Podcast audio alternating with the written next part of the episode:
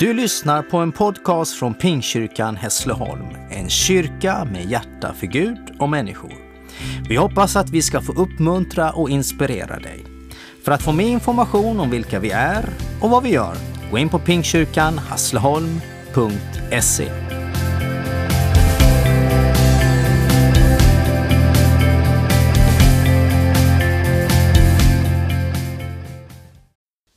Jag ska läsa från Markus evangeliet 5 och vers 1 till 20.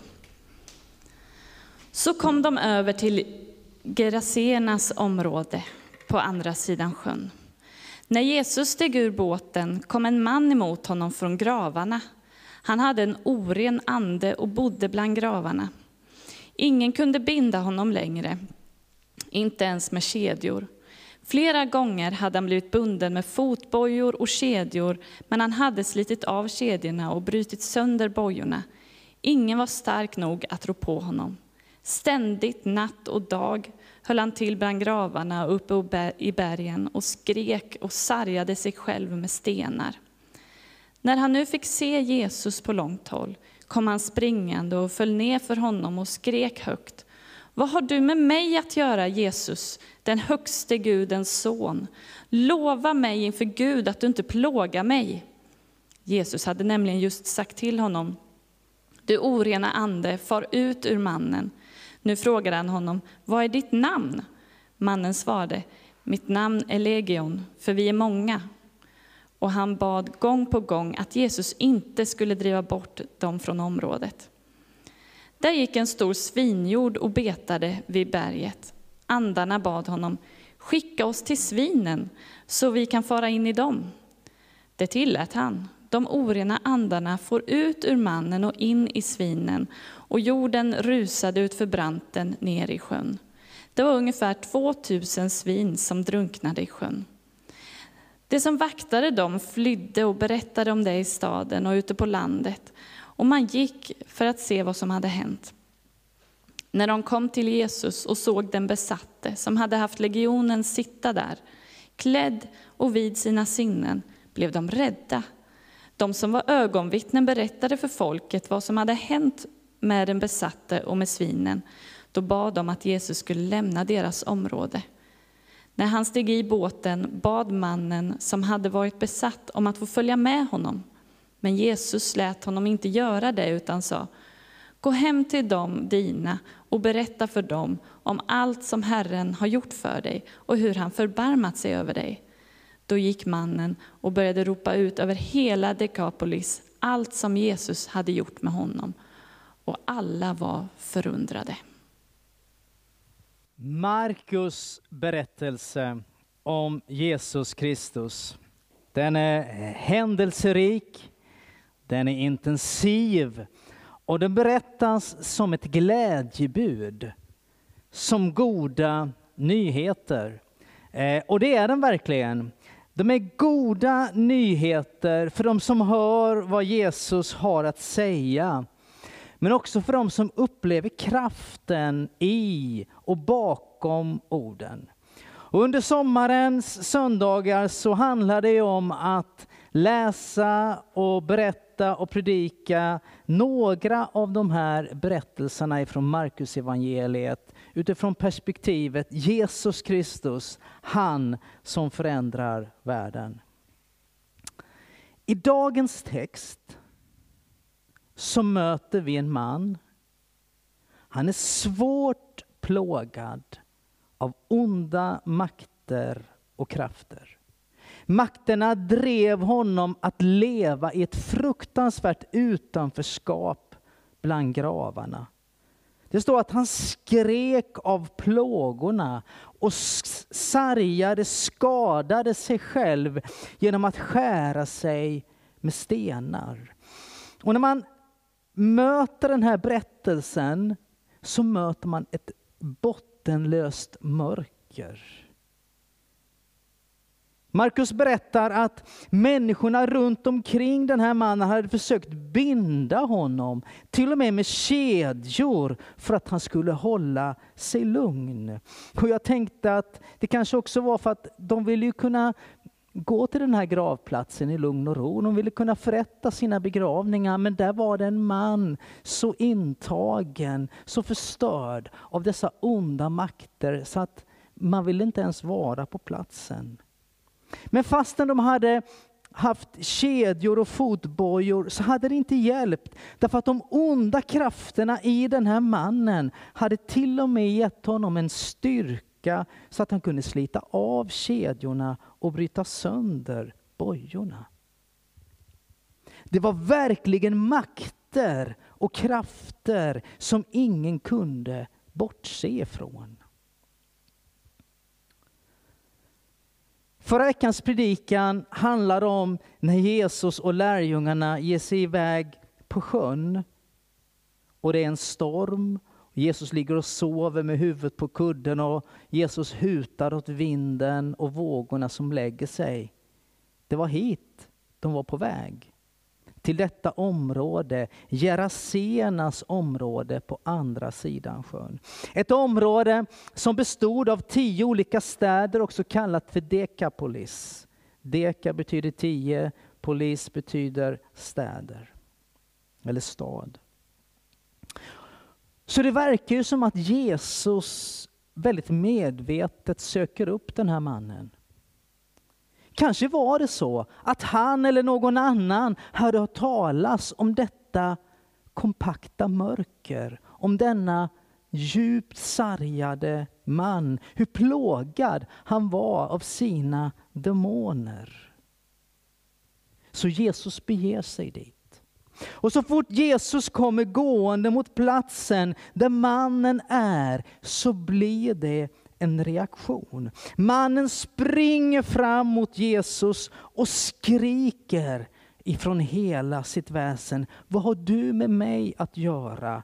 Jesus, den högste Gudens son. Eller vad har jag med dig att göra?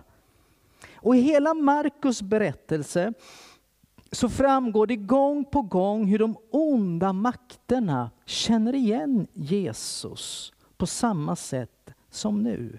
När ljuset möter mörkret på det här sättet blir det en konfrontation. Det blir en reaktion. Och det står att mannen faller ned inför Jesus. Makterna som hade intagit den här mannen vet att de har inte makt över honom som står där. Och därför böjer de sig. Och så säger makterna genom mannen, lova inför Gud att du inte plågar mig. Men det var ju inte Jesus som plågat mannen. Gud plågar nämligen ingen. Gud besätter ingen. Gud använder oss inte på det sättet att han kör över vår egen vilja och vår egen person. Jesus hade redan sagt till den orena anden, till den onda anden, att fara ut ur mannen. Och så frågar Jesus mannen, vad är det du heter? Så långt borta från sig själv är mannen att han inte svarar med sitt eget namn, utan med makternas namn demonernas namn. Mitt namn är legion, för vi är många. Och legion betyder tusental och det beskrev en stor armé. Den romerska makten som hade hela området här i kontroll hade legioner och man bestod ungefär av 6000 män, en legion. Och Det betyder ju att det var ett sammelsurium av makter och krafter som hade den här mannen i sitt våld. Inte undra på att mannen höll på att slita sönder inifrån och att det plågade honom enormt. De här andarna, de här demonerna, de här makterna vädjar till Jesus för de bara inser att de har mött sin över man. Att inte bli skickade bort i tomhet, utan ber om att bli sända in i en stor svinjord som vaktade eller som betade där i närheten. Och Jesus han ger okej okay till det och då måste makterna lyda. Och det som händer här nu visar hur destruktivt de här demonerna verkat i mannen. För när de intar svinen blir följden att svinen rusar ner mot sjön och drunknar. 2000 svin. Bara föreställ er den rörelsen. Och de som vaktar svinen de blir ju givetvis livrädda och flyr in till staden för att berätta vad som har hänt. Och så samlas folket och kommer ut till Jesus och till den här mannen. Men nu har det hänt någonting. Mannen sitter klädd. Han sitter vid sina sinnen där, står det. Och det står att de betraktar honom noga. De känner igen honom. Han som de inte ens kunde hålla fast med kedjor och bojor. Nu sitter han hos Jesus klädd och vid sina sinnen. Han är hemma i sig själv igen. Och när de får höra den här berättelsen om mannen och vad som har hänt med svinen så skulle man kunna tänka sig att de blir glada. Men det här är så omvälvande, det här är så utmanande, det här är så liksom bortom allt vad de kunde tänka sig. Så de ber Jesus lämna området. Och det gör ju Jesus också. Och när han är på väg att gå i båten så vill mannen hänga på. Men Jesus säger till honom att vänd tillbaka till dina egna och berätta om vad som har hänt med dig. Det gör mannen. Och nu kommer han att ropa ut ett annat budskap. Inte av ångest, inte av plågan, inte därför att han är driven, fångad, tvungen, utan han kommer ropa ut ett budskap därför att det är det han vill. Och det som har hänt honom. Han kommer berätta om den frihet som han har fått uppleva i sitt liv därför att han fick möta honom som förändrar världen. Och över hela området så berättar han om vad Jesus har gjort för honom. Han måste ju vara en av de tidigaste evangelisterna, budbärarna. Hörrni, det här är inte en bekväm berättelse. Eh, det är svårt att läsa om besatthet, om demoner, om krafter. Och det väcker lätt vårt motstånd. Man liksom vill bläddra förbi. För det finns sådana här texter med i Bibeln. Och kanske hade vi själva gjort som befolkningen i staden, bett Jesus lämna oss i fred. Men jag tror ändå att den här berättelsen har något viktigt att säga oss. Bibeln berättar nämligen på flera ställen just om detta att utmana och besegra de onda krafterna och makterna. Det var Jesu uppdrag när han kom hit till jorden. Så här står det i Apostlagärningarnas 10 kapitel och 38 vers. Gud smorde Jesus från Nasaret med den helige ande och kraft. Han gick omkring och gjorde gott och botade alla som var i djävulens våld. För Gud var med honom. Och Johannes skriver i sitt första brevs tredje kapitel och åttonde vers.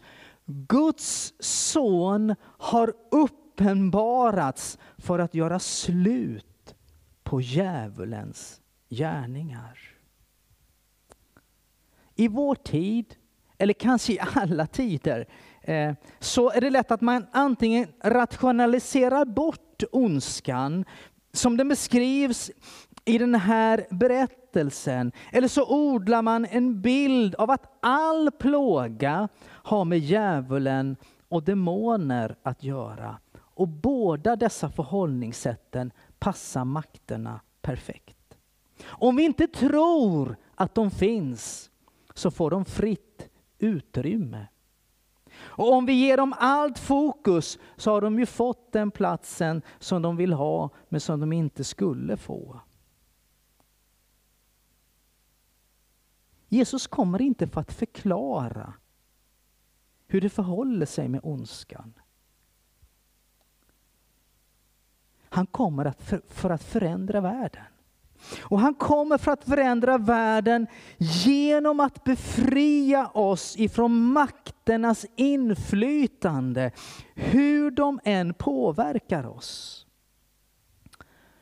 Och jag tänker att de allra flesta av oss kommer inte vara med om en sån omfattande och påtaglig ondska som det beskrivs om mannen i den här berättelsen. Men det vore naivt att tro att inte onda makter och krafter driver också människor i vår tid att göra destruktiva saker med sig själva och med andra. Lyssna, jag tror verkligen inte att all ohälsa psykiskt handlar om demoner på det sätt som det beskrivs här i berättelsen. Långt ifrån. Men jag tror att det kan vara så vid olika tillfällen. Men Jesus ger inte en förklaring. Han kom inte i första hand för att förklara världen. Han kom för att förändra världen. Och det är en stor skillnad. Därför ska jag inte heller försöka ge mig på någon typ av förklaring här. Utan jag vill säga det som är de goda nyheterna är att Jesus Kristus har kommit för att förändra världen. Och han har makt. Inte bara att förlåta synder, utan också att befria ifrån de makter och krafter som gör oss till något annat än det som vi är skapade till att vara. Och därför är det gott att läsa att mannen satt hos Jesus. Han var klädd och han var vid sina sinnen. För det är det som mötet med Jesus gör med oss. Vi blir aldrig någon annan än de Gud hade tänkt vi skulle vara när vi möter Jesus. Vi blir alltid mer oss själva. Det som förvanskade, det som begränsade, det som gjorde en nidbild av det som Gud hade tänkt med dig och mig. Det förändras steg för steg i mötet med Jesus så blir vi vid våra sinnen. Och det är så Jesus förändrar världen. Din värld och min värld. Amen.